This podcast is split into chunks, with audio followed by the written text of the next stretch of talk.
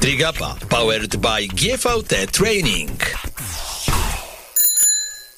Bipak Aron Pharma to linia suplementów diety dopasowanych do potrzeb najbardziej wymagających sportowców. Z nami możesz więcej.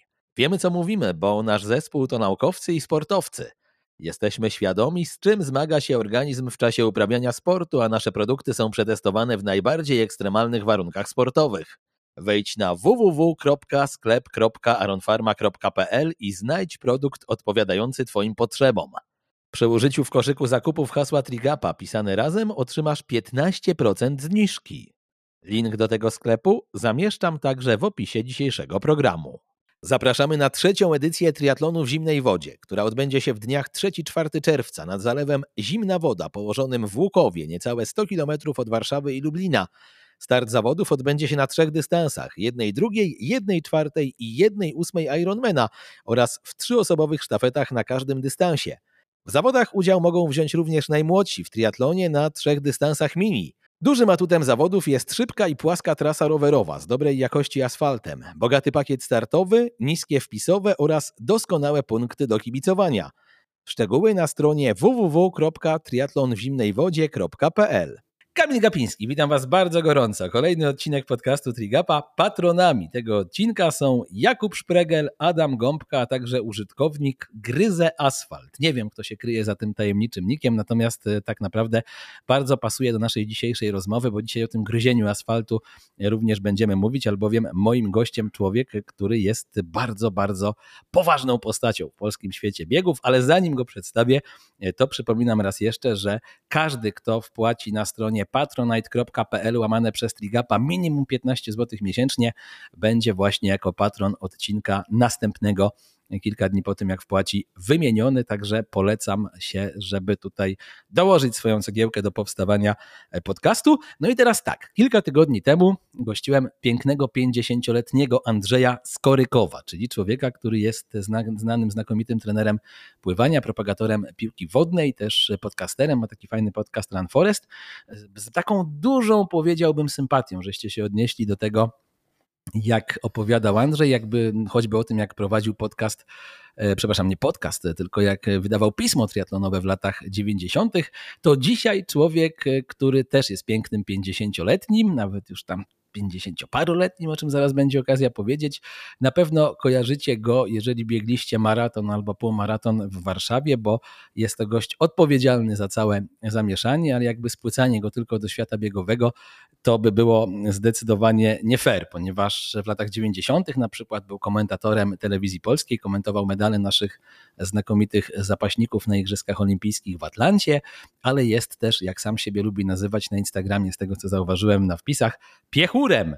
No więc organizator maratonu warszawskiego, półmaratonu warszawskiego, piechur, dziennikarz, czasami chyba też trochę filozof, ale w takim pozytywnym tego słowa znaczeniu. Marek Tronina jest dzisiaj ze mną. Witam cię Marku bardzo gorąco.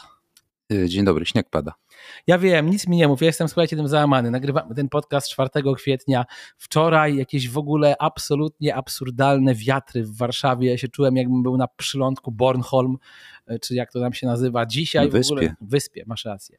Dzisiaj, y, no z geografii wiadomo, gapa. Natomiast dzisiaj też, no pada śnieg. Nie chcę o tym w ogóle mówić, bo to jest załamujące. Natomiast zakładam, że dzisiaj na spacer rano, skoro świt wyszedłeś.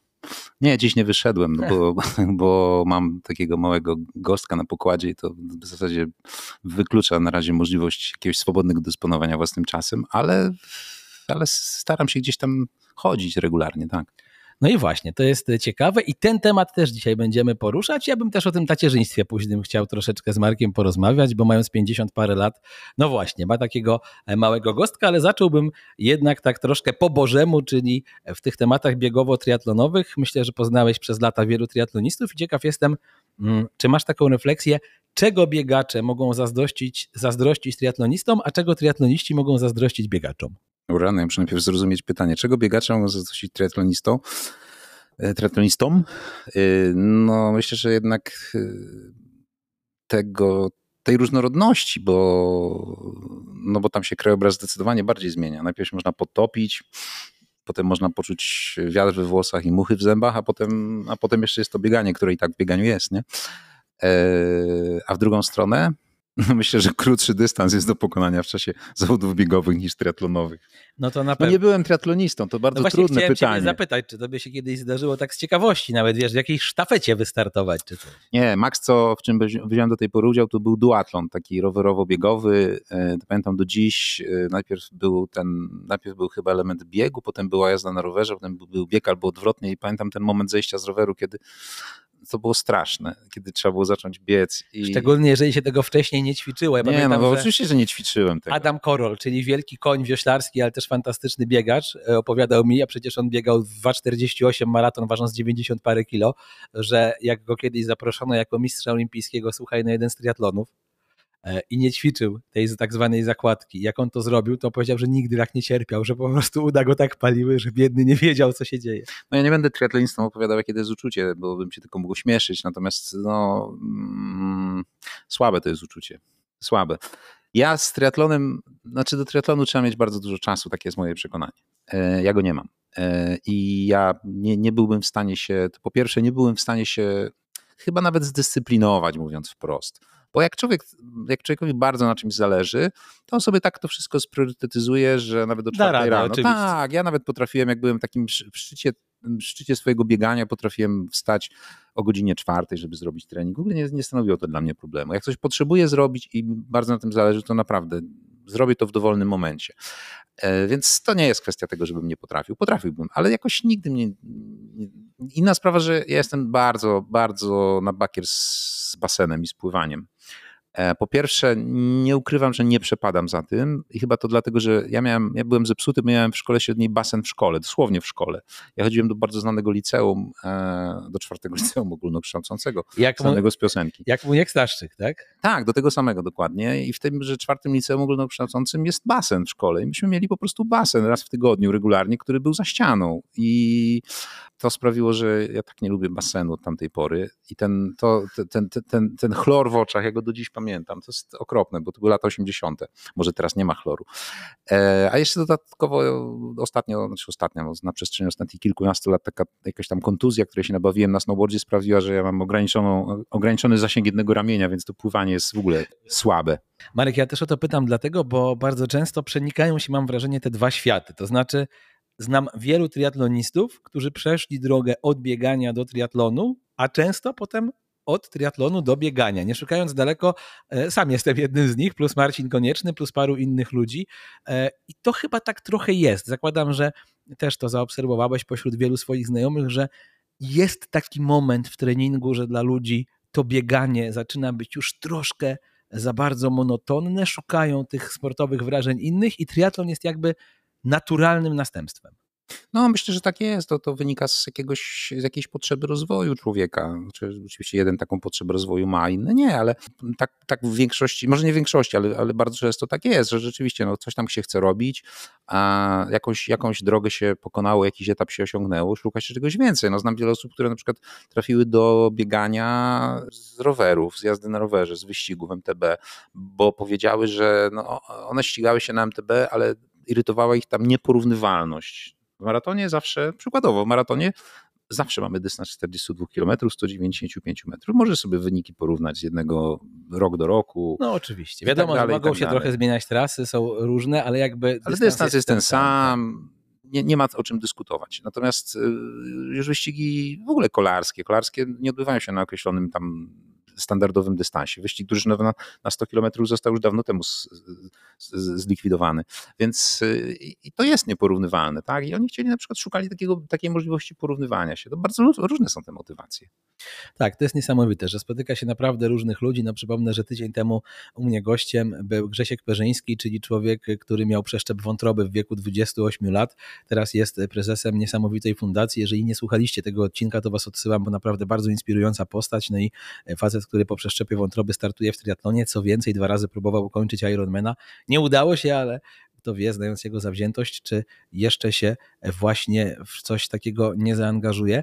E, Ty masz taką gdzieś prywatną w głowie właśnie listę mm, niezwykłych ludzi, których przez te lata tworzenia maratonu warszawskiego poznałeś i widziałeś na trasie, właśnie ludzi, którzy być może mieli życiowo bardzo ciężkie próby, wyszli z nich, jak to się zwykło czasami ładnie mówić, dostali drugie życie i gdzieś uznali, że chcą podziękować to już od was zależy, kto tam jest wierzący, kto niewierzący, czy sile wyższej, czy losowi, ale, ale że udało się, udało się kostuchy uniknąć i zaczęli biegać?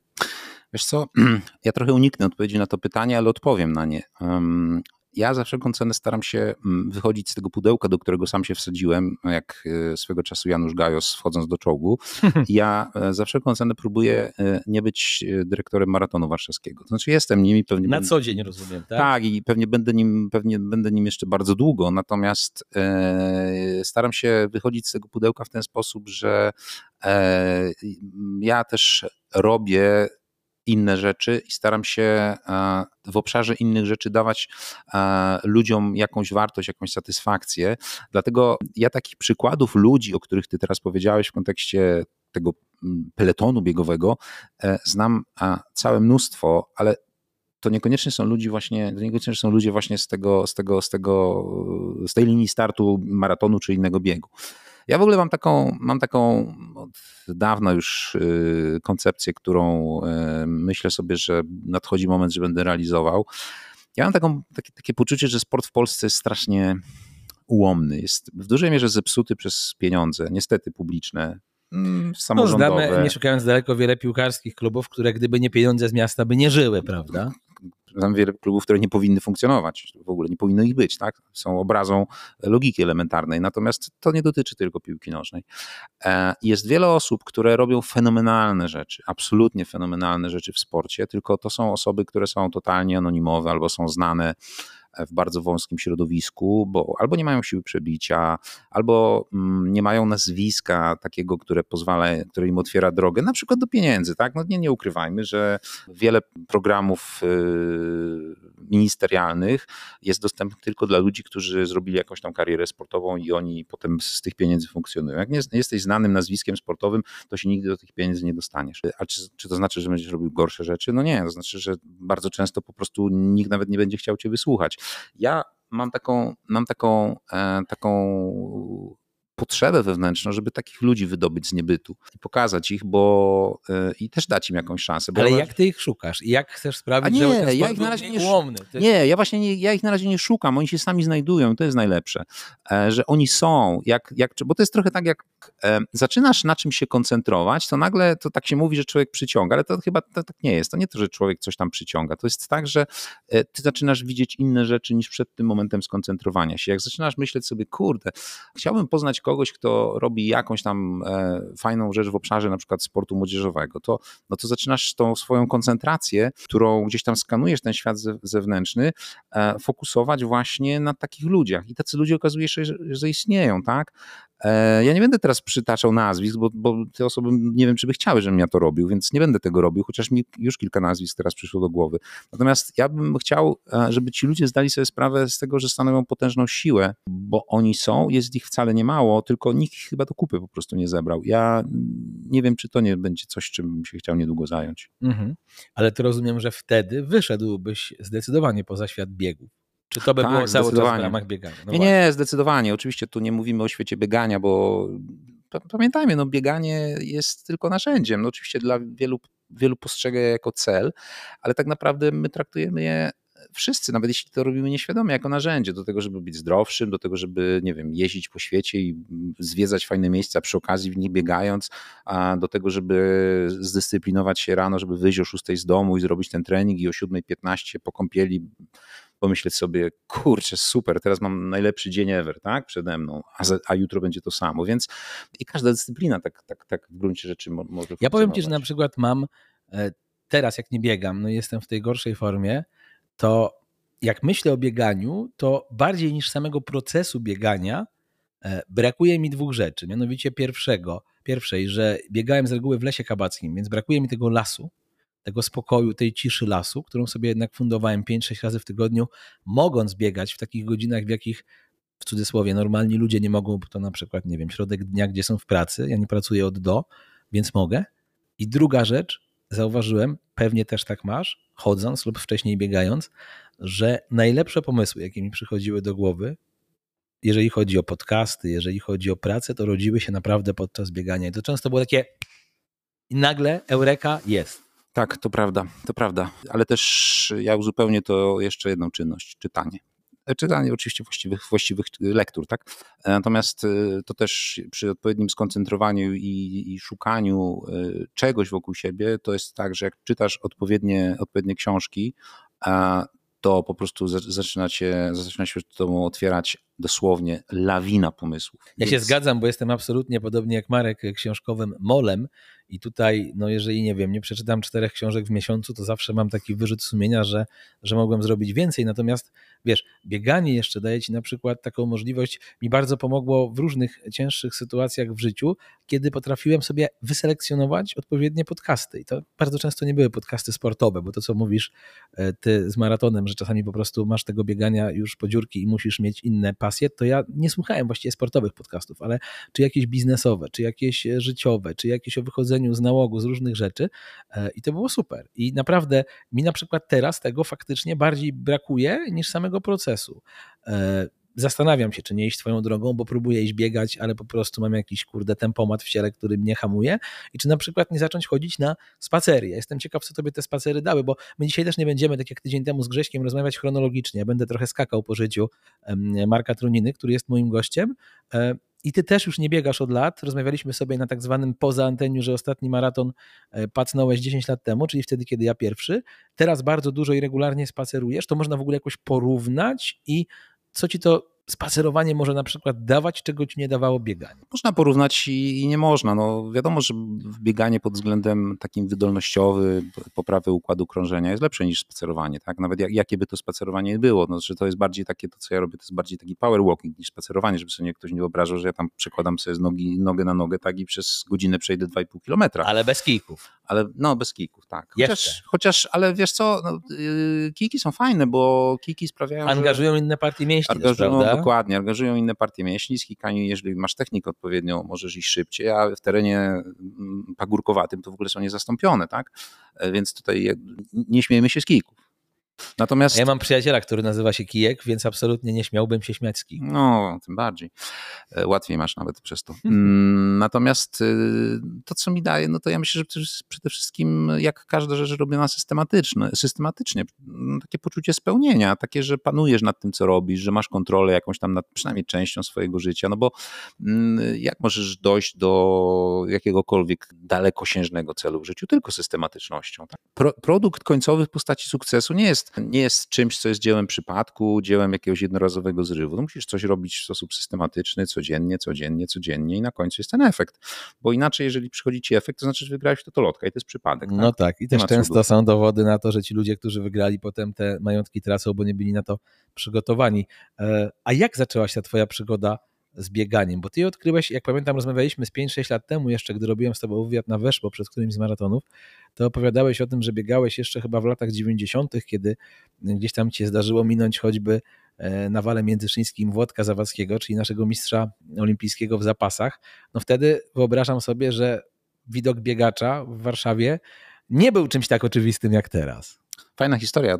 Fajnie, że mi przypominasz, trochę, trochę, trochę mieszasz, ale ja to łatwo wyprostuję. Coś tam pamiętałem. Coś nie? pamiętałeś. No, tak naprawdę, ja nie wiem, ale jak, jak zaczynałem biegać, to były nawet lata 80. Ja mieszkałem w Akademiku na Żwirki i Wigury w Warszawie. Jak ktoś zna topografię, to wie, że to jest e, ulica wiodąca prosto na lotnisko. I myśmy tam wychodzili z kolegami i biegaliśmy na lotnisko i z powrotem.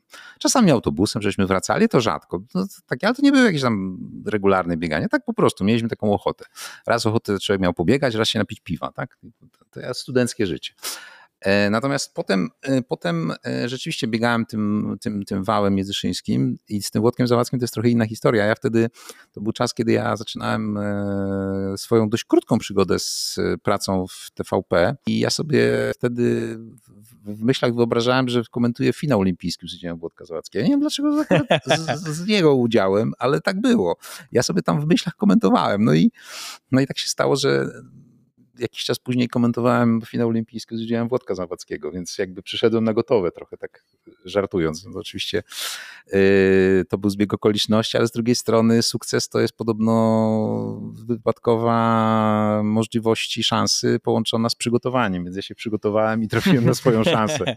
to prawda, ale powiedz to bieganie właśnie wtedy, jak ty je wspominasz, lat 80. czy 90., to e, tak trochę się kojarzy z pierwszymi chrześcijanami chowającymi się gdzieś w katakumbach, to, to było tożsame, czy niekoniecznie? Patrzyli na ciebie jak na wariata? Wiesz co, jakoś nigdy wtedy nad tym nie zastanawiałem. Bardziej pamiętam ten przełom XX i XXI wieku, kiedy zaczynałem już biegać rzeczywiście w sposób bardziej świadomy, no bo 2002 rok to był początek takiej mojej, faktycznie takiej mm, usystematyzowanej przygody z bieganiem, który równocześnie był rokiem, pierwszym rokiem mojej przygody z organizacją maratonu. Zamiast biec musiałem zorganizować. Wszyscy o tym wiedzą, ale powtórzę to po raz kolejny, tak? Więc i wtedy rzeczywiście tak było, że jak ktoś biegał, to jak ktoś, kto biegał na osiedlu, to mówiono na niego biegacz.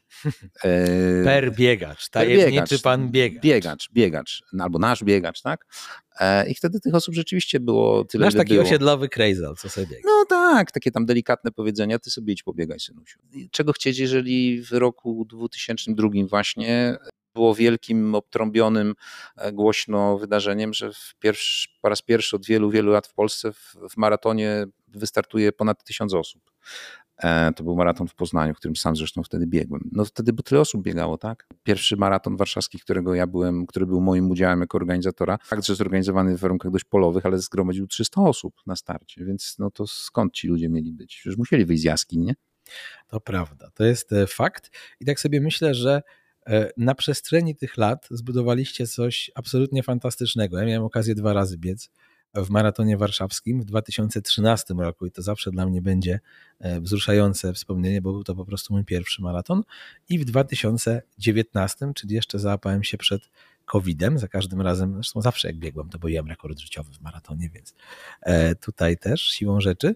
Natomiast jestem ciekaw, masz na przykład takie, jak patrzysz, no bo to już właśnie ponad dwie dekady i przypominasz sobie tę historię, to uśmiechasz gdzieś tam się pod nosem, zakładając, że wiesz, takie fajne dziecko udało się stworzyć i, i gdzieś tam je wyprawić do szkoły i potem na dobre studia i tak dalej i to dziecko rośnie i, i, i jest takie perspektywiczne, czy jednak ty jesteś bardziej taką osobą, która, nie wiem, zastanawia się, jeżeli w ogóle wraca do tego, e, to myślisz, co mogłeś zrobić w danym momencie lepiej, jak ty na to patrzysz z perspektywy czasu. Bo ja pamiętam takie zdanie, które było tytułem naszej rozmowy, e, dosyć takie ważne, myślę, które ty powiedziałeś w trakcie, jak na weszło mi udzielałeś bodaj w 2017 roku wywiadu, że w Polsce nie biegają Madonny maratonów. Czyli, że po prostu te największe gwiazdy do nas nie przyjeżdżają, bo nie mamy na to budżetu. No trochę tak jest, bo no, no, no maraton, który ma największą pulę nagród, to jest żeński maraton w Nagoi w, w Japonii. Główna nagroda 250 tysięcy dolarów. To ja sam bym pobiegł. Wystarczy, udając kobietę. Wystarczy wygrać, tak? No to nie ma, to 250 tysięcy dolarów to sobie policzmy, to jest milion z czymś tam, tak? Na polskie pieniądze. Większość, większość biegów w Polsce nie ma takiego, maratonu tam, nie biegów, maratonów w Polsce nie ma takiego budżetu, żeby w ogóle całą imprezę zorganizować, tak? No to skąd my te Madonny mamy wziąć? To nie znaczy, że ich nigdy nie będzie, bo dlaczego? Powinniśmy no, mieć mamy, wielkie cele. Mamy, wiesz, Justyny Steczkowskie maratonu, czołówkę polską. mamy, mamy.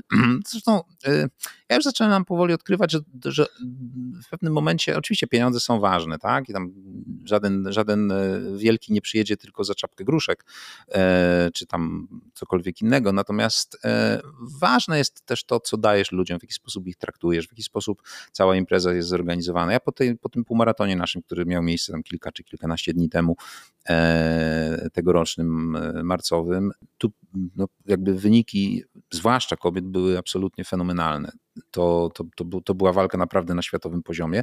To ja dostałem od menadżerów informację, Marek, po tym, co to się wydarzyło w tym roku w Warszawie, to w przyszłym roku najlepsi zawodnicy sami będą pytać o możliwość startu. Ale wydaje mi się, że to jest też kasus, na chwilkę odejdę od biegania, kolarstwa i Tour de Pologne, bo mm. pamiętam, że miałem okazję parę razy z przesympatyczną postacią, uwielbiam tego gościa, e, z Czesławem Langiem rozmawiać i on opowiadał, że wiadomo, że no w Polsce nagle nie zrobimy większych gór, e, nie wydłużymy, nie, nie zwiększymy wielkości kraju, ale ludzie lubią wracać na Tour de Pologne, bo wiedzą, że tam są fajne hotele, dobre mm. właśnie zakwaterowanie, smaczne jedzenie, kibice na trasie i tak dalej. I nawet jeżeli to nigdy nie będzie Tour de France czy Vuelta a España, to po prostu dobrze się kojarzy. I wydaje mi się, że ty chyba też na to pracujesz przez lata, żeby ten bieg się, czy te biegi, bo i półmaraton i maraton dobrze kojarzyły. No tak, no tak, bo my nie mamy wyjścia tak naprawdę, bo y, my na ten moment nie zaoferujemy nikomu y, złotych gór. Złotych gór, ani nie zaoferujemy super płaskiej trasy, bo Warszawa jest miastem na skarpie i czy tego chcemy, czy nie, to taka będzie topografia. E, nie wygonimy też miliona kibiców na ulicę, bo nie mamy takiej mocy, chociaż mm, chciałbym i myślę, że za jakiś czas może nie milion, ale ileś tam tysięcy wyjdzie. Natomiast e, my możemy dać coś zupełnie zupełnie innego. No, ja to powtarzam tylko, to nie jest mój wymysł, powtarzam to, więc y, proszę, jakby ktoś, kto myśli, że jaki nieskromny, to to powtarzam tylko, ja to to powtarzam. Ludzie mówią, że to jest impreza na światowym poziomie. Może ja trochę wyjdę teraz przed szereg, tak, ale ja na ostatnim spotkaniu mm, mm, zespołu naszego fundacyjnego zadałem ludziom pytanie, a co byście powiedzieli na to, żebyśmy nie robili jednego z najlepszych półmaratonów na świecie, tylko robili najlepszy półmaraton na świecie. Bo chcemy czy nie? Bo jak chcemy, to, to nie ma powodu, żebyśmy tego nie zrobili. Więc y, my właśnie tak naprawdę zaczęliśmy się zastanawiać. To czego jeszcze brakuje, żeby to był najlepszy półmaraton? A to jest świetne świecie? pytanie. Właśnie to chcemy odkryć. Jak to Aha. odkryjemy, jak to odkryjemy, jak sobie ustalimy, e, jak sobie ustalimy, nie zrobimy tego na pewno sami, bo to wymaga zaangażowania bardzo, bardzo wielu osób. Myślę, że z biegaczami na czele. E, to będziemy wiedzieć, gdzie mamy deficyt. Ale ważne jest to, czy my tego chcemy. Cel. A jesteście otwarci na taki, wiesz, feedback? Właśnie lubisz, kiedy ludzie, którzy biorą udział czy w maratonie, czy w półmaratonie, piszą do ciebie wiadomości i nie są to laurki, tylko właśnie wyszukują ewentualnych błędów, bo ty sobie wtedy myślisz, ok, fajnie, ja wiem, co mogę poprawić. Jeżeli wiadomo, są ludzie, którzy czepiają wszystkiego, ale chodzi mi o takie merytoryczne rzeczywiście uwagi, lubisz je przyjmować? Kiedyś nie lubiłem, bo mnie irytowały, bo mówię, pisze człowiek, bo nie ma pojęcia o czym, co my robimy. E, a teraz, teraz nauczyłem się tego, że e, widocznie człowiek ma taką potrzebę i nawet jeśli pisze głupoty, to fajnie, że się odezwał. Mhm. Bo, no bo to znaczy, że jest jakoś zaangażowany tak, w tę tak. społeczność, prawda? Tak. Oczywiście nadal większość tych uwag e, jest bardzo trudno zrealizować. Tak? Większość tych uwag jest takich, że one nie, nie biorą pod uwagę tak zwanych okoliczności, bo, no bo one są i my z pewnymi rzeczami naprawdę nie jesteśmy przynajmniej na ten moment w stanie wygrać, już nie bez wchodzenia w szczegóły, tak? Bo, bo jak tam ktoś opowiada nam, a że, że trasa to coś tam powinna być, no wiem, ale, ale jak spojrzysz na to, co na przykład w tej chwili dzieje się w Warszawie i co będzie się działo w Warszawie w kwestiach remontów. Remontów, tak. No choćby Mokotów, jest, który jest rozkopany. No prawda? to jest, to jest naprawdę Armagedon. E, I my w tym wszystkim musimy gdzieś utykać e, te trasy biegów. No, no a dobra. nie będziecie jej robić tak jak ta trasa covidowa siłą rzeczy, no bo myślę, że byłoby to dla zwykłego to jest to, było, jednak... to jest widowiskowa trasa, ale dla walki zawodowców. Tak, tak. No, wiesz, tak samo jak masz ultramaratony, nawet nie ultramaratony, ultratriatlony, jak robisz dziesięciokrotnego Ironmana, to bardzo często jeżdżą na rowerze czy biegają na dwukilometrowych pętlach. Natomiast dla e, takiego amatora biegacza myślę, że po prostu, jeżeli to nie są takie wyjątkowe sytuacje jak COVID, no to umówmy się też, dużo ludzi przylatuje do Warszawy, czy bierze udział w tym maratonie po to, żeby trochę sobie na to miasto popatrzeć, a nie biec na jednej dwukilometrowej pętli. No tak, no jakby organizowanie maratonu, czy w ogóle imprezy takiej ważnej jak maraton warszawski w jakiejkolwiek innej dziedzinie e, w stolicy siłą rzeczy ma swoje oczywiście plusy i przywileje, ale niesie też ze sobą pewne zobowiązania i to trzeba sobie zdać z tego sprawę. Dlaczego przez lata maraton warszawski w, w epoce, że tak się wyrażę, przed naszą erą był e, imprezą taką sobie.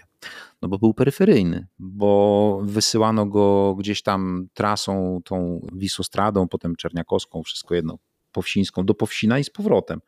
To była trasa po prostu. Nie przeszkadzajcie nam kierowcom. Przeszkadzajcie nam jak najmniej, tak? Tak. I zepchnięcie y, jakby z ten sposób myślenia, e, brak takiego, brak myślenia na wielką skalę sprawił, że on taki był. On był maratonem na małą skalę. E, natomiast y, jeżeli podejdziesz do każdej rzeczy, moim zdaniem, jeżeli podejdziesz do każdej rzeczy jako do czegoś, co chcesz robić najlepiej na świecie, to może nawet jeśli nie, nie, nie, osiągniesz takiego efektu, to przynajmniej masz szansę robić to jak nie najlepiej w Polsce, to najlepiej w mieście, albo jakkolwiek najlepiej, mm. tak? Najlepiej na tyle, na ile cię stać. A to jest tak trochę, Marek, bo pamiętam, że też kilka razy ten temat poruszaliśmy, jak twój numer wyświetla się ludziom z Urzędu Miasta, to mówią, o Jezu, znowu Tronina będzie dupę zawracał, czy też miasto przychylniej patrzy na ten maraton na przestrzeni lat? To w ogóle, czy to w ogóle jest temat, o którym chcesz mówić, czy nie? Bo ja wiem, że to nie jest łatwy temat, albo przynajmniej nie był kilka lat temu. Ja się staram nie dzwonić do nikogo.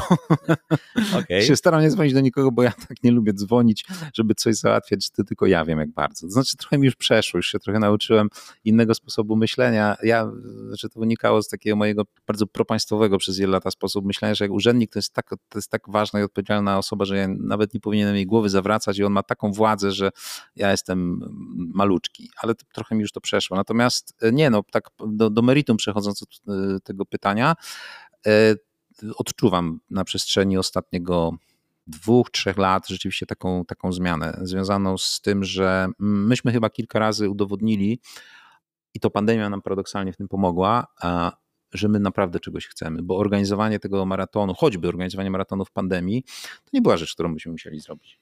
Cały świat się zatrzymał wtedy. To był w ogóle niesamowity maraton, bo przecież też, ja nie biegłem, ale e, wielu znajomych biegło te warunki pogodowe, tam był jakiś Armagedon. Ja pamiętam, że tego wieczora, co wystartowaliście o północy, byłem ze znajomą w hali koszyki na e, drinku i wychodząc przed północą z tej hali, to nie mogliśmy, tak lało, że nie dam, mhm. ona była w jakichś szpilkach, to ja niemalże musiałem ją, miałem szczęście, że akurat drobna dziewczyna, na rękach nieść, bo nie, nie było jak iść tam, tak? To tak. był jakiś Armagedon wtedy. Ja mam do dziś w telefonie film, który sobie nagrałem ze trzy minuty przed startem, właśnie tam, no ze startu, z linii startu dokładnie. I to rzeczywiście to y, tam jeszcze tylko brakowało gradobicia chyba tylko, nie? Więc jak ktoś miał tego dnia być, to on był. Tam nie było już osób przypadkowych. przypadkowych tak. No, ale, ale ważniejsze jest z tym to, że nawet jak byłaby ładna pogoda, to, to myślę, że byśmy powiedzieli, no, no nie, my zorganizujemy ten bieg, bo jak on był, jak on się odbył w warunkach, y, no nie wiem, stanu wojennego na przykład, to, to jakby to jest trochę takie udowodnienie wszystkim, że my nie opowiadamy bajek, a tam kiedyś się odbył w stanie wojennym, a potem żeśmy zrobili w 8 tygodni w 2002,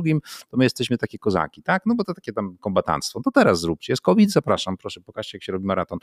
E, I myślę, że to był też taki czynnik, który sprawił, że też zaczęto patrzeć na nas zdecydowanie inaczej, e, że oni tu coś że oni jednak czegoś więcej chcą. No i też, że mam takie wrażenie, wiesz, identyfikują się z tym miastem, mhm. mimo przeszkód, mimo problemów, chcą być cały czas i ten bieg tworzyć, a włączyła wam się trochę jako fundacji po tym taka, wiesz, e, organizacyjna nieśmiertelność, to znaczy takie myślenie na zasadzie, że skoro w tak trudnych warunkach i przy tylu przeciwnościach losu udało nam się e, przeprowadzić maraton, to potem nie ma już, wiesz, impossible is nothing, czy, czy niekoniecznie? Myślę, że myśmy tego tak nie nazwali, ale na pewno nam się włączyła. Znaczy odetchnęliśmy z ulgą, żeśmy to zrobili, że pokazaliśmy samym sobie, że no, że można i czy impossible is nothing? No pewnie tak, myśmy przez trzy lata dokładali do, do, do funkcjonowania przez 2020, 2021 2022. E, to było, no, można żeby dokładać, to trzeba mieć z czego najpierw, nie? No, to, to wynikało też rzeczywiście z wcześniejszych tam prawie 20 lat funkcjonowania, że myśmy jednak nie przejedli w tych wszystkich pieniędzy, które tam e, funkcjonowały, tylko jakoś tam żeśmy systematycznie e, odkładali. E, no, no się okazało, że to właśnie, to, to właśnie dla, z tego powodu, na te trzy lata żeśmy odkładali. E, to nie tak, że myśmy tylko w pandemii pandemii dołożyli do, do, do funkcjonowania. Dwa kolejne lata też takie były. No, no i to też jest taki kolejny, to oczywiście z punktu tam, z, świat zewnętrzny tego nie wiem, skąd ma wiedzieć, tak ja to teraz mówię. Natomiast, e, natomiast to dla nas też takie jest pokazanie, że jak, jak podchodzi się do pewnych rzeczy w sposób e, strategiczny i długofalowy i z pewnym planem, to naprawdę można osiągnąć bardzo wiele. No, waham się powiedzieć, czy impossible is nothing. Trochę się boję tego, no bo e, zagrasz w finale Ligi Mistrzów, no nie zagrasz. Ja też nie zagram, nie? No więc no, czyli coś jest jednak impossible. Ale z drugiej strony, jakbyśmy sobie zadali to pytanie, no nie wiem, ja powiedzmy policzę, ale komentar... 50 lat temu, a ty 40, no to czemu w sumie nie? Czemu nie spróbować? Ale zdarzyło mi się, słuchaj, komentować, czyli finał Ligi Mistrzów w radiu. A mnie oglądać. No widzisz, czyli coś nas łączy. E, moim gościem Marek Tronina, zaraz wracamy. Bipak Aron Pharma to linia suplementów diety dopasowanych do potrzeb najbardziej wymagających sportowców. Z nami możesz więcej. Wiemy co mówimy, bo nasz zespół to naukowcy i sportowcy. Jesteśmy świadomi, z czym zmaga się organizm w czasie uprawiania sportu, a nasze produkty są przetestowane w najbardziej ekstremalnych warunkach sportowych. Wejdź na www.sklep.aronfarma.pl i znajdź produkt odpowiadający Twoim potrzebom. Przy użyciu w koszyku zakupów hasła Trigapa pisane razem otrzymasz 15% zniżki. Link do tego sklepu zamieszczam także w opisie dzisiejszego programu. Zapraszamy na trzecią edycję triatlonu w zimnej wodzie, która odbędzie się w dniach 3-4 czerwca nad zalewem Zimna Woda, położonym w Łukowie, niecałe 100 km od Warszawy i Lublina. Start zawodów odbędzie się na trzech dystansach: jednej drugiej, jednej czwartej i jednej ósmej Ironmana oraz w trzyosobowych sztafetach na każdym dystansie. W zawodach udział mogą wziąć również najmłodsi w triatlonie na trzech dystansach mini. Dużym atutem zawodów jest szybka i płaska trasa rowerowa z dobrej jakości asfaltem, bogaty pakiet startowy, niskie wpisowe oraz doskonałe punkty do kibicowania. Szczegóły na stronie www.triatlonwzimnejwodzie.pl Jesteśmy z powrotem. E, Marek, czy na bieganiu w Polsce da się zarobić, czy to jest raczej powiedziałbym praca dla pasjonatów i tam się dostaje z tego ok, jakieś wynagrodzenie, ale nie wiem, dużego domu pod Warszawą za to nie wybudujesz. Ja tutaj oczywiście nie mówię, żebyś ty mi teraz pokazał swoje zarobki i e, wpisał PIN do, do konta i, i wiesz, gdzieś tam to obejrzał, nie jestem ze skarbówki. Natomiast ciekaw jestem, czy to jest jednak na tym poziomie, na którym wy to robicie już opłacalne, czy to jest właśnie bardziej cały czas w Polsce e, sport dla, dla pasjonatów i mówię też właśnie od strony organizatorskiej.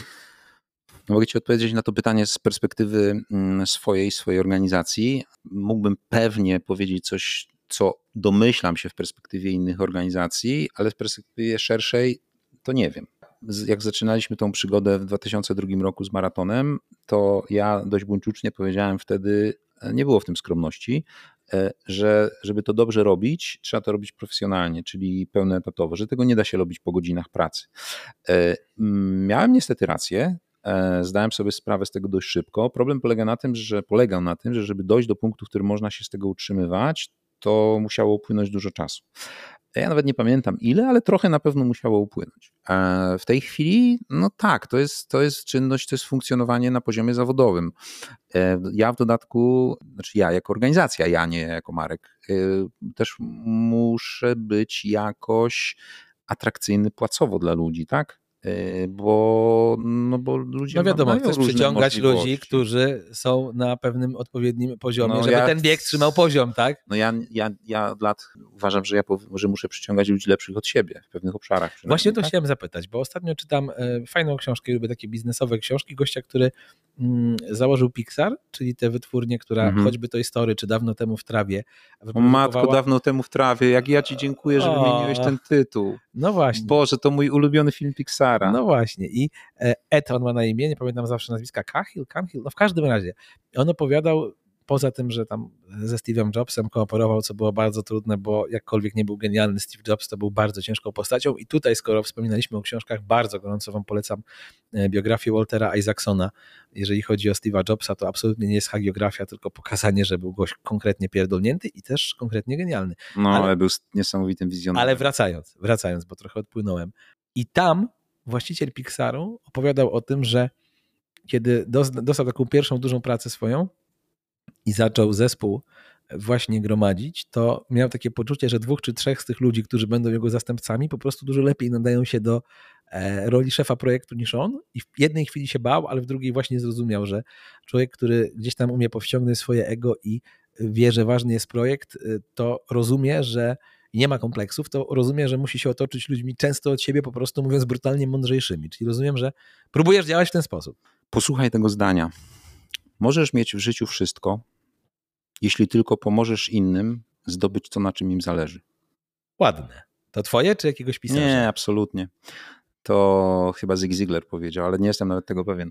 Możesz mieć w życiu wszystko, jeśli pomożesz innym zdobyć to, na czym im zależy. To jest takie zdanie, które łatwo niby zrozumieć, ale potem jak zaczynasz sobie przekładać, przekładać na język praktyki, na przykład zarządzanie organizacją i zaczynasz się nad tym zastanawiać w bardzo praktycznym kontekście, to zaczyna ci mózg eksplodować, bo zdajesz sobie sprawę z tego, jak bardzo istotne jest przewodzenie ludziom poprzez pomaganie im. Bo ja, ja, ja w tej chwili przechodzę taki okres bardzo intensywnej nauki, e, takiej związanej z przywództwem, ale takim przywództwem rozumianym właśnie jako pomaganie innym. Powiem ci, że to jest niesamowite, bo jeżeli potrafisz zapytać osobę, którą upraszczam, zatrudniasz, a co byś ty chciał tutaj osiągnąć? jeśli zobaczysz po drugiej stronie kogoś, kto ma jakieś naprawdę fajne cele, które chciałby zrealizować zawodowe i myślisz nie w sposób zagrożenia, tylko w sposób ciekawości o drugim człowieku, chęci e, wsparcia drugiego człowieka, to nagle zdajesz sobie sprawę,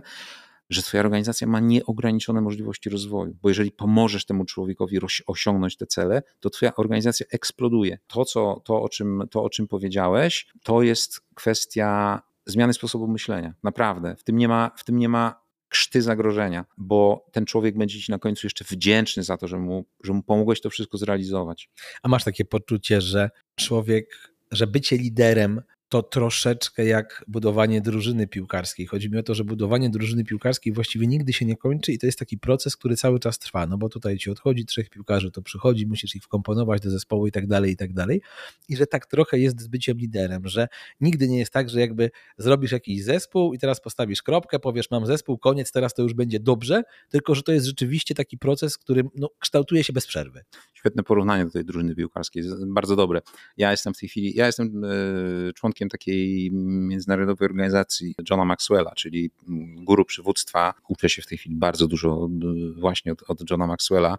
E, nawet dziś rano czytałem takie jedno zdanie, w którym on mówi, chociaż odpowiada na pytanie, długo jeszcze będziesz pracował? Długo będziesz jeszcze pracował? No do śmierci, bo ja mam, do, bo planuję do śmierci się rozwijać. Budowanie drużyny piłkarskiej to nie jest proces, który się skończy. Ci zawodnicy, no dziś są dobrzy, jutro będą może lepsi i odejdą, a może będą gorsi, trzeba będzie ich zastąpić, tak? I dokładnie to samo, dokładnie tak samo jest z przywództwem. A nigdy nie ma takiego punktu, do, który, do którego e, jak dotrzesz, to mówisz, ja już się rozwinąłem i dalej już nie muszę to dopiero, dopiero, dopiero wtedy zaczynasz się orientować, jaka jeszcze, jaka jeszcze potężna droga przed tobą do pokonania, więc tak, 100% zgody. A zdarzało ci się być, przepraszam za szczerość, w czasie, kiedy organizowałeś te biegi dupkiem, bo ja nie ukrywam, że jak na przykład przez parę lat prowadziłem radio, to znajdę kilka przykładów w życiu, kiedy byłem trochę dla ludzi dupkiem. To znaczy miałem takie wrażenie, że jeżeli nie będę bardzo zdecydowany i jeżeli nie pierdolnę ręką w stół, to już żadną inną metodą akurat do tych konkretnych ludzi pewne rzeczy nie dojdą. Dzisiaj nie jestem z tego dumny, ale tak było. Czy ty też czasami nie wytrzymywałeś i potrafiłeś się wkurwić po prostu? Tak, oczywiście. Czy ja tego żałuję? No żałuję, oczywiście, że żałuję. E, pytanie, czy można było tego uniknąć? No pewnie można było, ale z drugiej strony dzięki temu, dzięki temu coś tam wiem teraz, tak? Nie tak dawno siedziałem w bardzo podobnej sytuacji jak ta nasza tutaj e, z Jarkiem Bienieckim, czyli szefem i właścicielem głównym marki Run Magedon i on mi opowiadał historię jego współpracy ze mną, bo on jak swoją przygodę organizacyjną zaczynał w fundacji. On powiedział, że jakby odszedł z fundacji, to ktoś mu powiedział, że z Markiem nie da się pracować, ponieważ mm, z Markiem jest tak, że albo jesteś e, wyznawcą jego kościoła, albo nie. No i tym, kim był, tym kimś był on sam. Ja się z tego zacząłem śmiać i powiedziałem, no bardzo prawdopodobne, że tak było. A Jarek powiedział, powiem ci jeszcze jedną rzecz, wiesz kto mi to powiedział? Nie wiedziałem. On powiedział, ja sam. I po latach zacząłem się, sam się nad tym zastanawiam, że widziałem tylko e, po drugiej stronie Twoje błędy, ale swoich już nie. Ale zobacz, zobacz e, jak, jak, jaką widać dojrzałość człowieka. Mówię teraz o Jarku, tak? Jak dojrzałość człowieka, że on sam zdaje sobie po latach sprawę z tego e, i to jest super, że i to jest kolejna rzecz, którą się też ostatnio ktoś mi uświadomił, znaczy książki mi uświadomiły. Ludzie w większości nie chcą się zmieniać, bo wolą myśleć, że można zmienić okoliczności. A jedyna zmiana, jaka może zajść, to jest zmiana w tobie. Tylko to jest bolesne to wymaga pracy. Ludziom się nie chce, w większości, ale są tacy, co im się chce. Tutaj zaskoczę chyba i was, i Marka. Otóż, moi drodzy, jak kiedyś pokłóciłem się o Marka na randce. Dawaj. Tak? Chcę wiedzieć. Poszedłem na randkę z Tindera, kilka lat temu miało to miejsce, z dziewczyną, która uprawiała triatlon. I okazało się, że ona na którymś z maratonów warszawskich była wolontariuszką i powiedziała, że ten Tronina to wyjątkowo niesympatyczny typ. A ja się strasznie podju, pod, podju, podjudziłem, bo ja Marka bardzo lubię i znam od lat i mówię, absolutnie tak nie jest, to jest bardzo fajny człowiek i tak dalej. I im bardziej ja tłumaczyłem, że ty jesteś fajnym gościem, tym bardziej ona się wkurwiała i mówiła, że nie jesteś. Ja mówię, a ile miałeś z nim kontaktu w życiu? A ona mówi 5 minut. A ja mówię, przepraszam cię, ja go znam od 7 lat, chyba potrafię to lepiej ocenić. I do końca tej randki już była tak niesympatyczna atmosfera. Pamiętam, że był to spacer gdzieś na Żoliborzu, że już skończyła się ta randka i się więcej nie widzieliśmy. Spodziewałeś się, że czegoś takiego. No, widzisz? Cudowne, to cudowne. To znaczy przykro mi, że wpłynąłem na jakość twojego życia. Ja jakoś specjalnie nie, jakoś specjalnie nie żałuję. Warto było o ciebie walczyć wtedy, słuchaj. Potem mi podasz, powiesz mi, jak się nazywała. Chyba już nawet nie pamiętam, szczerze. To, to jest, bardzo, co, to jest bardzo możliwe. Mm, to jest bardzo możliwe i bardzo tę dziewczynę przepraszam. Bardzo mi przykro, naprawdę. Znaczy, no, człowiek, się, człowiek się rozwija, tak? Jak to John Maxwell mówi, e, mądrość przychodzi z wiekiem, choć czasami wiek przychodzi sam. I tu jest dobry moment, bo ja chciałem zadać Tobie takie pytanie, ale zanim je zadam, żeby być fair, odpowiem trochę na nie sam. To znaczy Marka, i teraz już sobie możesz myśleć, jak odpowiesz, zapytam, co 50-kilkuletni Marek Tronina powiedziałby 40-letniemu Markowi Troninie, a wam powiem, co 40-letni w grudniu Kamil Gapiński powiedziałby 30-letniemu Kamilowi Gapińskiemu. To znaczy, o matko, jaka piramida. To znaczy tak, powiedziałby, stary, imprezuj mniej, bo to nie jest sposób na życie. Stary, pij mniej, bo to nie jest sposób na życie. Stary, bardzo dobrze, że tyle czytałeś, ale staraj się czytać jeszcze więcej, bo ci to pomoże. E, stary, bieganie za dziewczynami to tak hurtowo to też nie jest za mądry pomysł na życie i generalnie odkładaj więcej pieniędzy, bo życie na zasadzie ile zarobię, tyle wydam, to nie jest mądry pomysł. To Kamil 40-letni mówi Kamilowi 30-letniemu.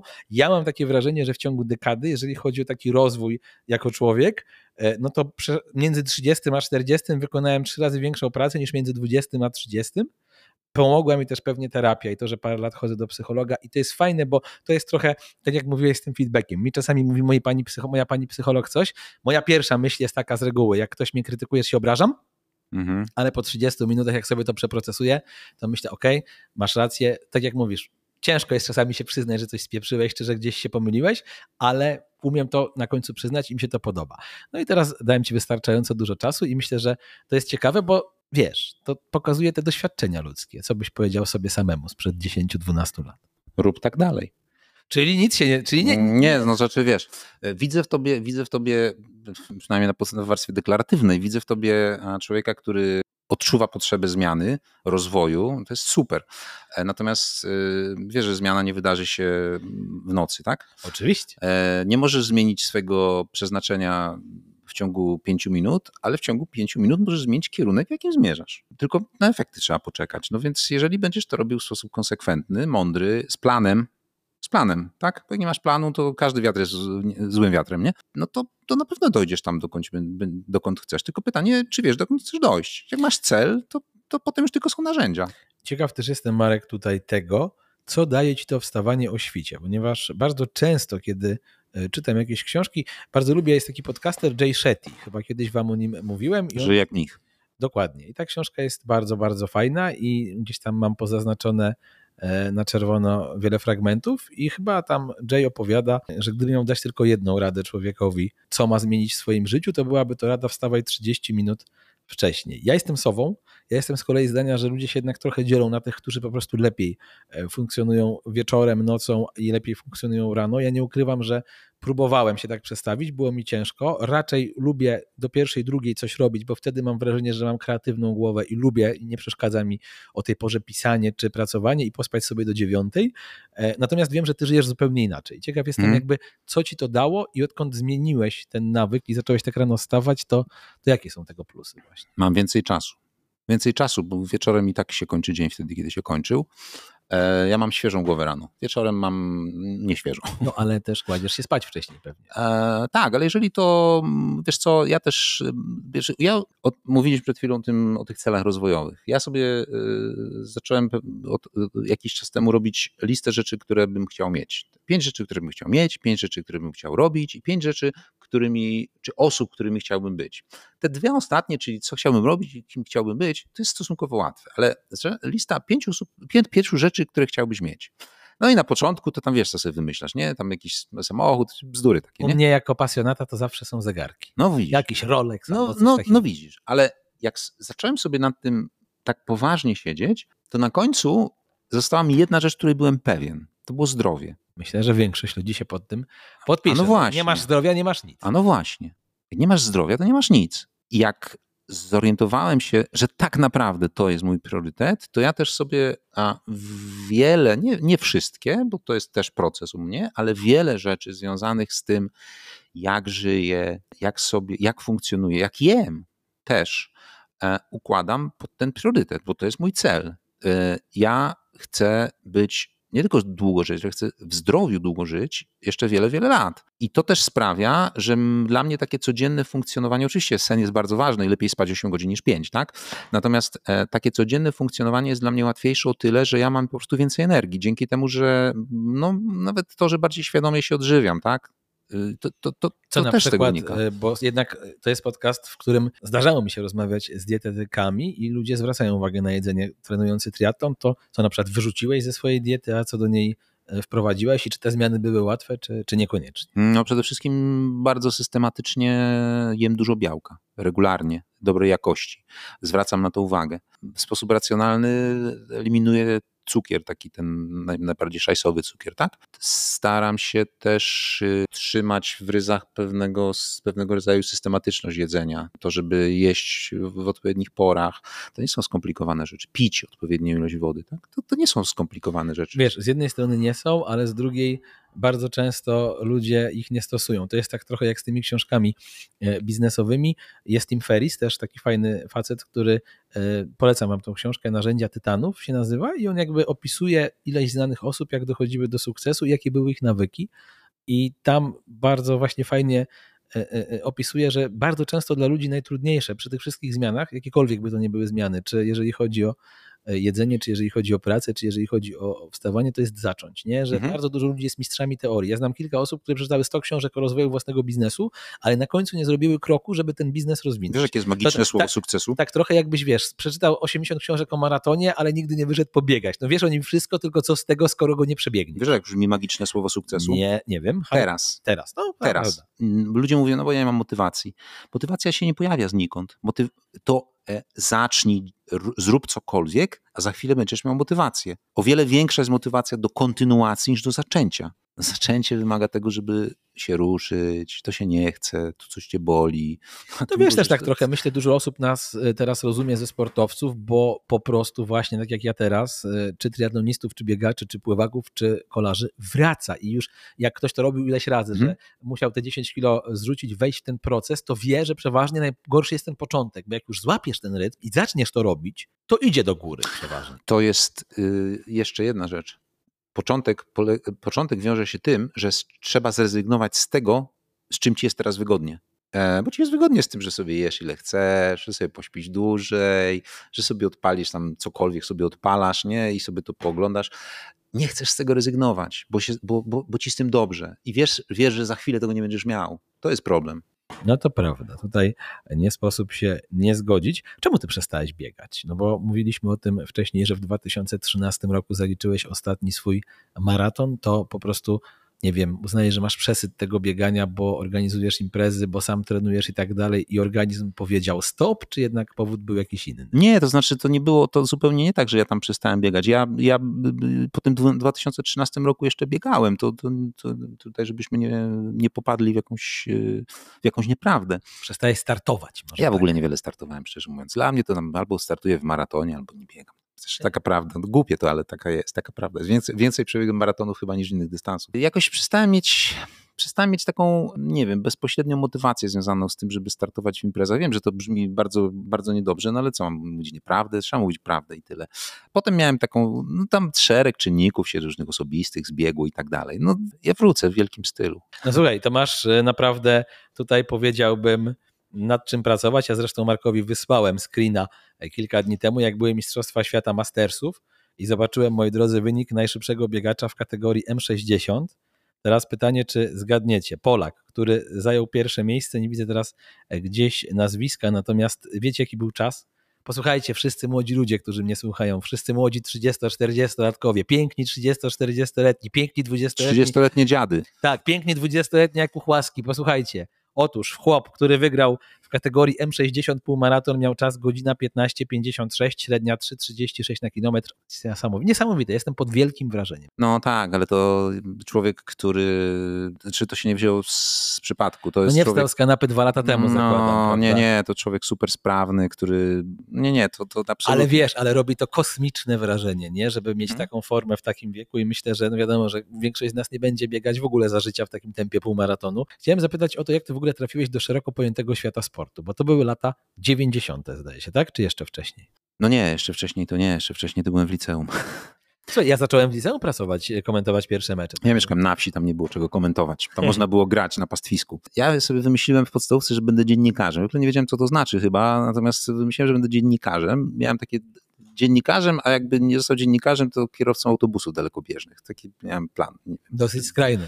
Zawody, ale zupełnie okay. nie wiem skąd ten kierowca. No i potem, potem było liceum, ja znowu tam w tym liceum wymyślałem, że będę dziennikarzem, natomiast nigdy mi w życiu nie przyszło do głowy to, że ja mogę, że mogę być dziennikarzem sportowym. Nie wiem dlaczego, chociaż organizowałem sobie wiesz, zawody, tam kapsle, sam sobie komentowałem, sam się nagrywałem i no, naprawdę byłem w ogóle świetnym organizatorem różnych imprez sportowych, e, zwłaszcza w wakacje, jak zjeżdżali się wszyscy moi kuzynowie. Czyli miałeś to we krwi od maleńkości. No naprawdę, ja to miałem, pamiętam jak, jak mojej babci na podwórku organizowa, organizowałem, nie organizować, organizowałem ja Igrzyska Olimpijskie, mieliśmy bieg na 3 km z przeszkodami, mieliśmy nawet rów z wodą, tylko woda nam wsiąkła w ziemię, ale był rów.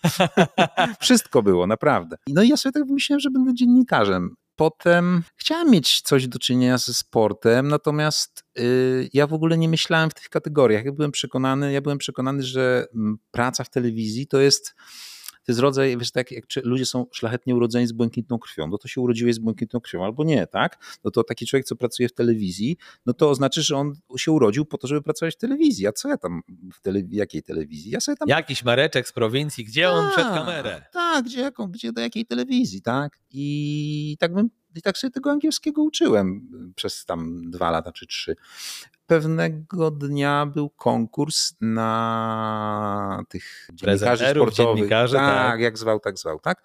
Mnie przez myśl nie przeszło, żeby się zgłosić. No w ogóle no by, no co ogłaszają. No i to widocznie dla tych, co to mają błękitną krew, krew dziennikarską. No ale wtedy moja partnerka powiedziała, że ty wiesz on więcej niż ci, ci, ludzie, co komentują w telewizji. Bo ja potrafiłem rozpoznać piłkarza po tym, jak wygląda jego ręka tam, nie? Albo, albo ten kark, nie? To Dariusz Szpakowski nie wiedział, ja wiedziałem. To ty się zgłoś, ty wiesz więcej niż oni. No i się zgłosiłem, to było śmiesznie. Telegram dostałem, na którym było napisane, to, to był czas telegramu, 93 rok. I zgłosiłem się na pierwszy etap i się spóźniłem, bo, bo nie, przyjechałem nie o tej godzinie, co trzeba. Było już po. I ja, człowiek, który się bał absolutnie wszystkiego, absolutnie wszystkiego, przysięgam. Byłem w tym holu w telewizji polskiej na Woronicza, wziąłem telefon i zadzwoniłem, bo tam był na szczęście numer, zadzwoniłem, powiedziałem, że się spóźniłem, bo miałem być, ale mnie nie było, bo coś źle przeczytałem. I oni mnie zaprosili na drugi etap. I na tym drugim etapie najpierw mi posadzili coś tam, jakieś zadanie. No to właśnie skończył pan pierwszy etap i teraz będzie drugi. Ja w trybie ekspresowym cudem trafiłem na ten, do, tego, do tego castingu, znaczy do tego finału i tam nas zostało sześciu wtedy I to poważne sportowej. nazwiska, które do dzisiaj chyba mhm. stanowią jej siłę. Mógłbyś przypomniał, kto tam no, był w tym no, finale. To nas było, została nas, została nas naprawdę szóstka takich osób. Maciej Kurzajewski, e, Łukasz Nowicki. Syn Jana, tak? Syn Jana Nowickiego. Jacek Jońca, do dziś pracujący na Woronicza, Jacek Dąbrowski, do dziś pracujący na Woronicza, Grzegorz Płaza, który był przez lata na Woronicza, potem był dyrektorem w TVN-ie chyba, tvn tak? Była jeszcze taka dziewczyna, która dość szybko tam zmieniła swoje plany, y, Agnieszka Oleszko. No i chyba ja byłem szósty. Nie wiem, czy, czy jeszcze czy o kimś nie zapomniałem, czy, no, ale to była szóstka z tego, co pamiętam. Ja proszę o jedną rzecz. Ja tę historię znam, ale zakładam, że wy jej nie znacie i jak Marek ją opowiada, to mimo, że kilka razy ją słyszałem, mam wypieki na twarzy zawsze. Opowiedz, jak komentowałeś e, finał olimpijski w Atlancie polskich zapaśników i jak w ogóle wyglądało, bo moi drodzy, to jest naprawdę hit. Jak wyglądało przesyłanie tych materiałów do redakcji w Warszawie, bo to nie były takie czasy, że, że wiecie, wszystko było w live. Jakbyś trochę tej kuchni sprzed lat już, o Jezu, 27 prawie zdradził. Jak to mija, matko? Tak, no, to, jest historia, którą trzeba opowiedzieć yy, z wstępem takim mniej więcej tam dwuletnim. No więc jak taki człowiek młody jak ja trafia na taką, do takiej redakcji sportowej, to w ogóle nie wie o co chodzi, tak? A ponieważ tam poziom e, tego przy, o tak to nazwę, poziom przywództwa jest był wtedy tam taki średni, powiedzmy, no nikt ci tam ręki nie poda bez powodu, bo i po co? Po co sobie chodzi? Jesteś konkurencją. Jesteś konkurencją, docelowo to jesteś konkurencją, no to człowiek się pęta po tych korytarzach, jak ten głupi nie wie, co ma robić. Jak to chyba czytałem w ostatnim wywiadzie właśnie z Łukaszem Nowickim, większą, większą część swojej kariery w redakcji sportowej spędził w knajpie na Woronicza. No to wcale mu się nie dziwię, ja też tam trochę czasu przesiedziałem. No ale któregoś dnia wzięli mnie do swojego pokoju, bo mieli swój pokój, co było rzadkością, Karol Stopa i Waldek Heflich i zapytali mnie, a czym byś ty się synku chciał zajmować? No synku nie powiedzieli, oni byli życzliwi. No, czym, czym byś ty się chciał zajmować? No czym ja się? No piłką nożną, nie? To oczywiste. No i oni mówią, a widzisz tam, że ta kolejka tej piłki nożnej, to jak wychodzi z pokoju Darka Szpakowskiego, to tam na schodach się gdzieś kończy. No, no w sumie tak. A hmm. może byś się zajął czymś takim, co się tu nikt, nie, nie, nikt zupełnie, nikt, i wszyscy mają na to wywalone. A co to jest? No zajmij się na przykład zapasami, judo, redaktor Niklas jest jedyny od podnoszenia ciężarów, ale on w TV Polonia, to on tylko tam jak są zawody, to się pojawia. No i w sumie czemu nie? No i tam zacząłem się tym zajmować, tak? No to w tych związkach sportowych to jak Boga mnie tam, że ja powiedziałem, że ja dzwonię z telewizji, się będę teraz A pan redaktor poważny no, zadzwonił, no, no to, to wiadomo. oni jakby pana Boga za nogi chwycili. I ja bardzo szybko stałem się ekspertem. Na tyle na ile mogłem się szybko stać ekspertem w sportach walki, które techniczne są przede wszystkim, tak? No są, nie, nie są łatwe do, do, do oglądania i do komentowania. No wiesz, ja wiem jak to wygląda z boku, bo pamiętam, że jak telewizja polska kilkanaście lat temu kupowała prawa do piłki ręcznej, no to obecni już komentatorzy handbala wtedy byli szkoleni przez ludzi ze związku w ogóle mhm. E, z przepisów, no bo oni się na tym po no prostu tak. nie znali. No, nie jest tak, że rodzisz się ekspertem od danej dyscypliny i mhm. potrzebujesz tyle czasu, żeby się w nią wgryźć. Nie, no ale oczywiście, że tak. No, dziennikarz to jest osoba, która bardzo dobrze poznała dyscyplinę, a potem umie przekazać tę wiedzę, tak? No to nie jesteś w stanie tam tkać z głowy zupełnie. Można, ale bez przesady. Ile? No i nagle to był rok, ja tam się tym 93 pojawiłem, w 94 zacząłem tym zajmować, no i w 95 było pod koniec roku spotkanie, czyli może na 96 na początek, że y, skład tej ekipy na Igrzyska Olimpijskie i tam wyczytują Marek Tronina. Co ja tam będę robił? Po co tam ja tam jadę, nie? Potem się okazało, że ja mam tam komentować. No dobrze, no i pojechałem tam komentować, no, no, coś tam wiedziałem, tak, o, tym, o, tym, o, tych, o tych sportach. Tam komentowałem zapasy i troszeczkę tam, mm, ale tu troszeczkę byłem w boksie, judo się nie dało, bo zapasy się z judo pokrywały i więc Andrzej Sydorowicz robił judo. Eee, no i pierwszy dzień igrzysk, no to są te eliminacje się akurat zaczynały zapasy w stylu klasycznym i tam puch, puch, puch, Polacy walczą, Wolny, Wroński i obaj są w półfinałach. Żadnych transmisji oczywiście nie było, bo, bo Telewizja Polska chyba wykupiła tylko taki podstawowy, w którym nie było niczego poza finałami czy walkami medalowymi. No i potem były półfinały. No i półfinały już z dwoma Polakami, no i ja siedziałem, ja siedziałem na trybunach, miałem w ręku mikrofon, tak jak mam teraz. Obok mnie siedział kamerzysta TVP, który nagrywał z tej jednej kamery ten półfinał, jeden i drugi, a ja do tego sitka komentowałem, trzymając sobie ten mikrofon w ręku. Potem to zostało przesłane do Warszawy. W Warszawie to odtworzono, e, więc nie było na żywo tej transmisji e, półfinałowej. Ja oczywiście nie miałem żadnego pulpitu, niczego, nawet pewnie nie miałem jak kartki w ręku, to bym sobie nie przełożył, bo miałem zajęte tym mikrofonem.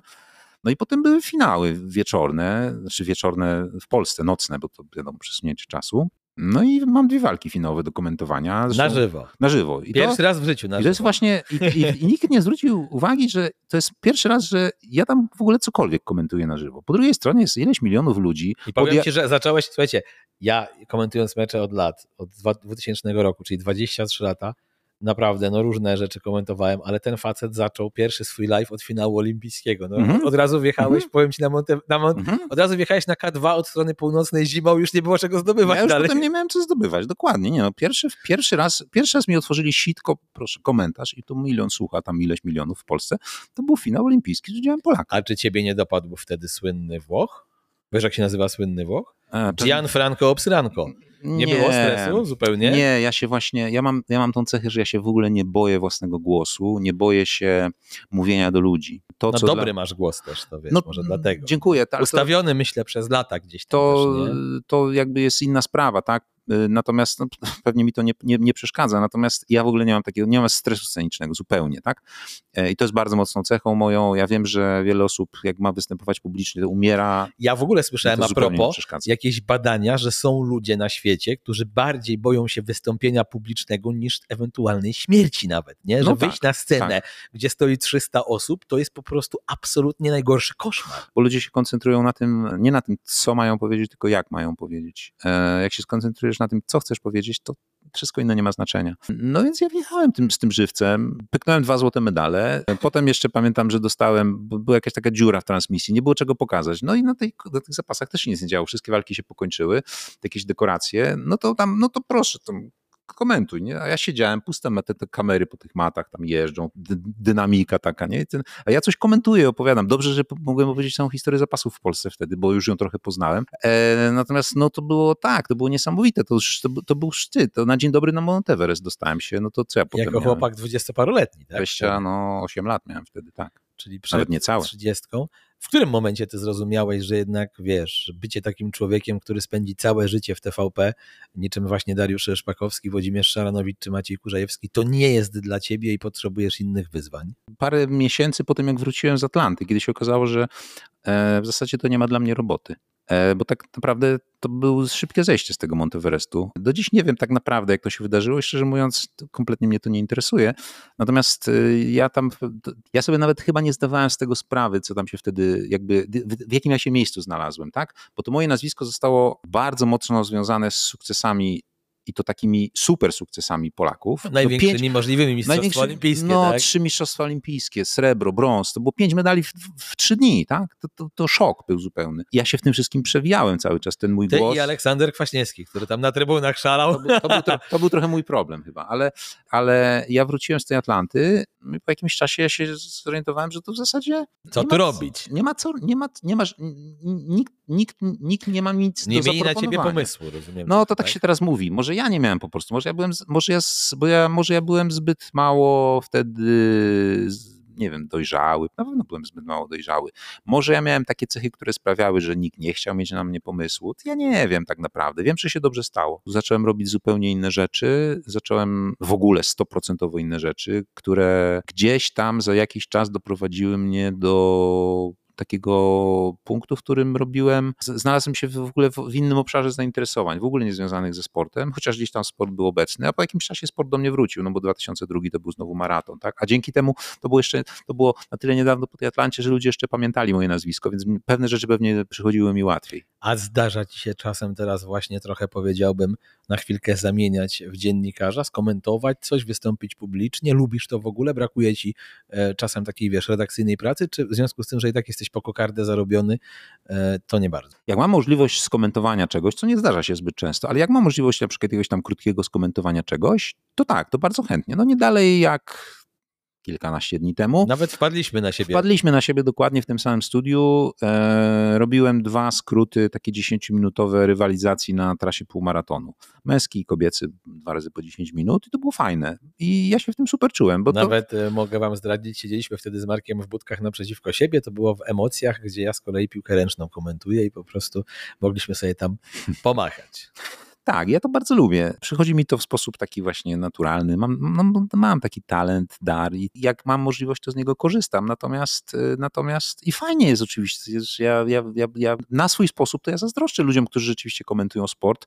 Natomiast yy, gdybym miał na przykład tylko komentować sport siedząc w dziupli, to bym nie chciał, bo to, to jest jednak to nie to, co chciałbym robić po prostu. Bo co innego jest komentować e, będąc tam na miejscu, bo to jest cała, to jest cała ta otoczka, większej całości. Prawda, oczywiście. To jest takie dopełnienie. Wyjazd, tak, tak, tak, bycie tam na miejscu, ale, ale tylko z tego Chłoniesz atmosferę, chociaż muszę tak. powiedzieć, że znam takiego komentatora sportowego, dosyć znanego, nie, może najbardziej, już nie będę teraz nazwiska zdradzał, że redakcje z nim nie wytrzymywały, bo on zawsze chciał być cztery dni wcześniej i mówić, że on musi poczuć atmosferę turnieju, musi tam zjeść lokalne jedzenie, poznać ludzi, wiesz, taka, taka wymówka, żeby sobie zrobić dłuższą wycieczkę i niektórzy już mówili, że to, to drobna nie przesada, jeżeli chodzi o, o tego gościa. E, tak się zastanawiam jeszcze, jeżeli chodzi o bieganie, znowu wracając na chwilę do maratonu, ty masz wrażenie, że my żeśmy właśnie trochę biegowo jako Polacy już osiągnęli pik, czy, czy to jeszcze można podbić? W sensie, że jeszcze więcej ludzi będzie biegać, jeszcze więcej ludzi będzie startować w biegach i tak dalej. Jak damy ludziom dobry powód, to będzie więcej biegać. To, to, to wszystko zaczyna się od dlaczego. Myśmy wykierowali modę na bieganie te 20 lat temu czy 15, czy ileś tam, dlatego że daliśmy ludziom dobry powód. Y, I nie mówię, że to my fundacja, tylko mówię w szerszym kontekście, tak, bo było więcej podmiotów, które to robiły. I teraz y, znowu jest kwestia tego, żeby, żeby, żeby znaleźć to dlaczego, takie, które ludzie po prostu no, zasymilują, kupią. A obecne, że to dlaczego, które było wcześniej, tym dlaczego, które ludzi do ruchu wprawiało, to już nie działa, myślisz? Trochę działa, trochę nie. Czasy się zmieniły. To bardzo. E, czasy zawsze się zmieniają. Każde kolejne 20 lat jest e, inne niż poprzednie 20. Ale wiesz, wydaje mi się, że teraz szczególnie przy tej dynamice zdarzeń, tak? Jak no sobie e, pomyślisz, że 20 lat temu czy 25 nie było Facebooka, Instagrama, Twittera, mhm. TikToka mhm. i tych wszystkich społecznych portali, które dzisiaj bardzo często niestety lub stety definiują rzeczywistość, to to te tempo zmian jest teraz największe w historii. Tak? Mhm. No, kiedyś było dużo jednak spokojniej. Na przestrzeni, nie wiem, 20 lat w XVII wieku się trochę mniej zmieniało niż teraz. Ale tempo zmian zawsze było dużo szybsze niż kiedyś. To po mhm. prostu przyspieszenie no tak, na tym tak. polega, że jest coraz szybciej. To tak? prawda. Pytanie, czy kiedyś się zatrzymamy, no ale to już może nie na tutaj jakiś... Jak wygląda ściana, na której się zatrzymamy. Tak, tak. I czy bardzo będziemy mieli rozpłaszczone nosy wtedy. Tak. E, ale masz jakiś na przykład pomysł, jakie może być to nowe, współczesne, dlaczego? Wiesz co, ja mam pomysł taki, że my jesteśmy za starzy, żeby to sami czasami wymyślać, bo, bo jeżeli my chcemy dotrzeć do właściwych ludzi, to ci ludzie e, są jednak dużo młodsi od nas. E, I jest, czego jestem pewien, to to, że my odpowiedzi na to pytanie nie znajdziemy we własnych głowach. My musimy tą odpowiedź znaleźć u tych, którzy rozumieją to młodsze pokolenie. Bo to jest w ogóle ciekawe, słuchajcie, nawet jeżeli czyta się, że coraz mniej młodych ludzi jest w stanie oglądać mecz piłkarski, który trwa 90 minut, bo po prostu się nudzą, zaczynają scrollować e, media społecznościowe. FIFA zastanawia się, jak zrobić, żeby ten sport był dla ludzi właśnie nastoletnich, dla ludzi, którzy mają tam dwójkę z przodu, po prostu ciekawy, bo ci ludzie trochę od piłki nożnej zaczynają odchodzić. Piłka nożna przegrywa z grami, piłka nożna hmm. przegrywa z innymi rozrywkami takimi no, bo właśnie. Ludzie mają mnóstwo jak, rzeczy do ciekawych do robienia jak, jak, jak TikTok. Ja jestem też ciekaw, wiesz, na ile władze różnych sportów są jakby otwarte na to, żeby się mm, dostosowywać, no bo w piłce nożnej mówiono o tym, że można powiększyć bramki, że można skrócić mecze, że można e, dawać jakieś inaczej wykluczenia na boisku, mhm. robić zmiany powrotne, jakby szukać takich rzeczy, które tych ludzi w jakiś sposób przy tym sporcie zatrzymają. Ja teraz czytałem, że NBA jakąś aplikację zamierza wprowadzić, że możesz oglądać mecz w taki sposób, że na przykład e, będzie biegało ciało LeBrona Jamesa, ale twoja twarz będzie i że to cię na przykład e, może jarać, że będziesz widział siebie grającego jak LeBron James. No jakby mówię o czym czytałem, ale hmm. szukają takich rzeczy, które przy tych największych sportach e, no, utrzymają widza, który de hmm. facto jest sponsorem, tak, globalnym. Tak. No, ale z drugiej strony masz y, ludzi, którzy w żaden sposób nie zaakceptują tradycyjnego modelu czegoś tam, tak? Że metr trwa 90 minut, że, że coś tam. Zmiany coś tego modelu, że nie zaakceptują. Że zmiany, tak, zmiany modelu nie zaakceptują. Y, to jest bardzo trudne. Wiesz, być może, nie wiem, ale być może jest tak, że no wiesz, din dinozaury też kiedyś wyginęły, a były królami Ziemi. I wydawało się, że nic ich nie zniszczy, prawda? No, a kiedyś, a kiedyś i to jeszcze nie tak dawno, y, absolutnie obowiązującym standardem w komunikacji był język francuski. Powiedz to dzisiaj. Oui. Marek, zastanawiam się, zapytam o to, bo myślę, że jesteś osobą, która nie ma nic do e, ukrycia. Ja miałem paru kolegów. Śmiała teza. Paru kolegów, 10 lat starszych ode mnie mniej więcej, którzy tak koło czterdziestki kiedy ich związki troszkę wygasały, to uznali, że zróbmy sobie drugie dziecko, bo to odświeży relacje i w sumie mam 40 lat, mogę być jeszcze ojcem, nie jestem taki wiekowy. Ja pamiętam, że wtedy miałem 30, więc oni mi się wydawali strasznymi dziwakami. Teraz jak już mam 40 i nie mam dzieci, to zupełnie mi się nie wydają dziwakami. Wydają mi się, że e, e, to jest jak najbardziej dobre i co ciekawe, rzeczywiście to gdzieś tam trochę odświeżyło ich e, relacje. Nie bałeś się zostania ojcem po 50 dzisiaj, bo wiadomo, że no mówią, że mężczyźnie jest łatwiej, no bo choćby ze względów fizycznych, prawda? Facet 60-letni pewnie częściej dużo bywa ojcem niż kobieta, ale e, nie bałeś się tego, że takie, wiesz, późne tacierzyństwo, czy wręcz właśnie tego chciałeś? Jakby skąd taki pomysł? Nie, no bałem się, oczywiście, że tak, ale bałem się, bo to jednak jest y, wyzwanie, ale dla, dla ścisłości to po, poza tym małym dwumiesięcznym z tam pewnym układem synem jeszcze mam córkę trzyletnią, tak? Z, z niewielkim. I to układem. są twoje, to, jeszcze masz jakieś dzieci, czy to jest ta dwójka? Mam córkę najstarszą. Czyli to jest o tyle ok, że w sensie już znasz tę drogę, tak? Że już przechodziłeś. Tak, to znam, ale nie wiem, czy pamiętałem do końca. Więc nie, no bałem się oczywiście, że tak, bo to jest, to jest, no to jest zobowiązanie, no to jest zobowiązanie na życie, tak? Ale jak też to, wiesz, wpływa na jakość życia, bo ja słyszałem taką, taką mitezę, mówią ci, którzy są ojcami, no stary, jak ty sobie nie zrobisz tam dziecka w ciągu najbliższych pięciu lat, to już ci będzie ciężej, bo im jesteś starszy, tym już człowiek jest bardziej leniwy i mu się nie chce i też to zarywanie nosy i to wszystko potem będzie dla niego trudniejsze. Rozumiem, że ty się nad tym, e, znaczy jakby pewnie o tym myślałeś, ale ci to nie, nie powstrzymało.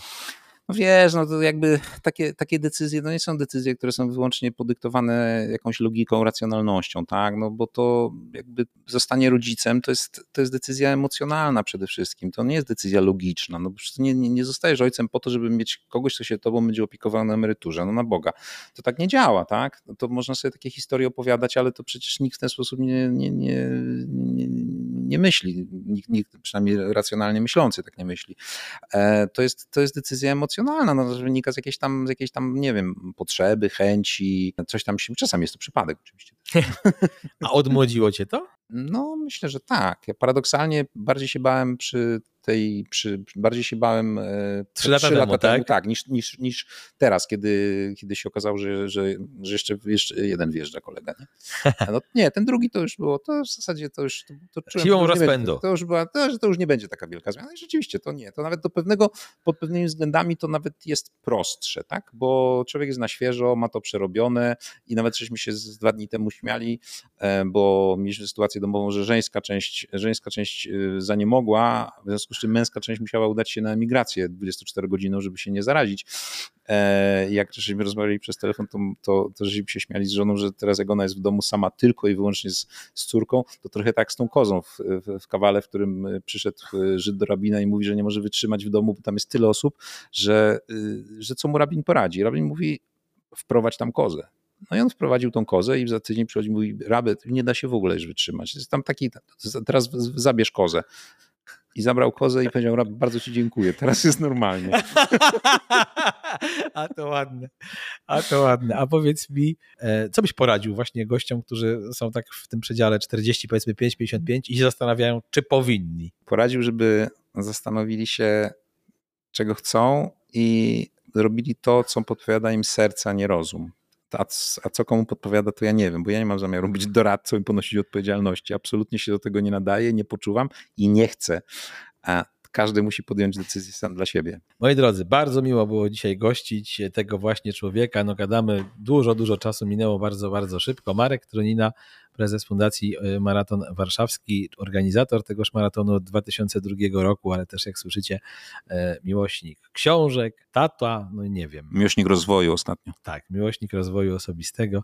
Bardzo fajnie, że byłeś z nami. Dziękuję Ci. Marek. Ja dziękuję za zaproszenie. Pozdrawiam wszystkich. Kamil Gapiński, dziękuję bardzo serdecznie. www.patronite.pl łamane przez Trigapa. Przypomnę, że tam możecie zapłacić no, pewne pieniążki, dzięki którym na przykład będziecie patronami kolejnego odcinka, minimum 15 zł i wymienię Was z imienia i nazwiska już za mniej więcej tydzień. Dziękuję bardzo serdecznie, wszystkiego dobrego, do usłyszenia.